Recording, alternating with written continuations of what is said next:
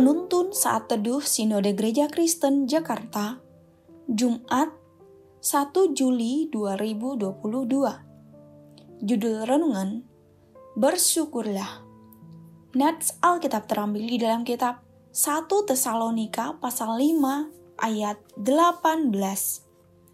Mengucap syukurlah dalam segala hal, sebab itulah yang dikehendaki Allah di dalam Kristus Yesus bagi kamu.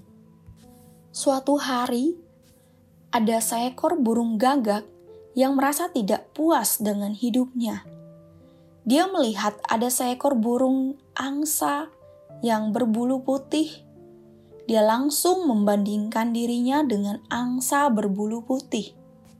Sang gagak iri dengan angsa karena pasti angsa sangat bahagia karena dia berbulu putih dan cantik, sehingga semua orang menyukainya.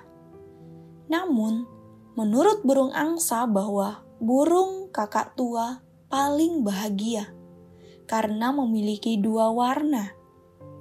Lalu burung gagak mendekati burung kakak tua dan mengatakan hal yang sama. Tetapi burung gagak berkata bahwa lebih bahagia burung merak karena memiliki bulu yang berwarna-warni. Seringkali sebagai manusia, kita membanding-bandingkan diri kita dengan orang lain, sehingga kita selalu merasa kurang dan lupa untuk bersyukur. Dalam surat Paulus kepada jemaat di Tesalonika, ia memberikan nasihat singkat yang bermanfaat kepada kehidupan para murid.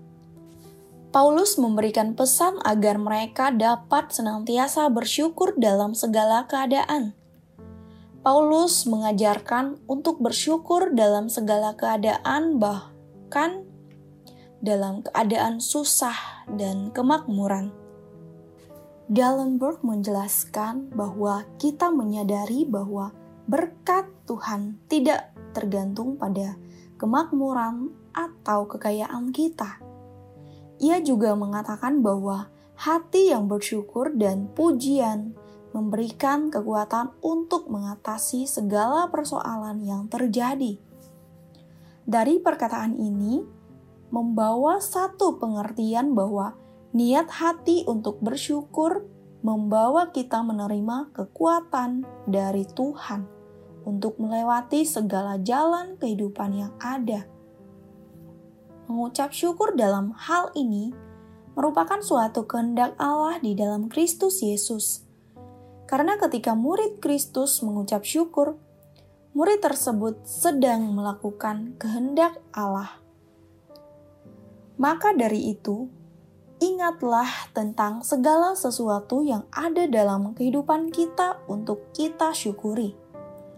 Ketika kita masih diberi kehidupan, kesehatan, berkat, makanan, pekerjaan, tempat tinggal untuk berlindung, dan orang-orang yang mengasihi kita, maka belajarlah untuk mengucap syukur. Bahkan seberapa besar pun pergumulan yang ada dalam kehidupan kita, jika kita dapat melihat dalam sisi yang benar di dalam Tuhan, itu akan membawa dampak yang baik Roma 8 ayat 28. Dengan demikian, setiap murid Kristus dapat tetap mengucap syukur dalam segala situasi dan keadaan apa pun, baik ketika senang maupun tidak, dan tidak membanding-bandingkan kehidupan dengan orang lain. Bersyukurlah kepada Tuhan, sebab Ia baik bahwasanya untuk selama-lamanya kasih setianya. 1 Tawarik 16 ayat 34 Amin. Terima kasih. Tuhan Yesus memberkati.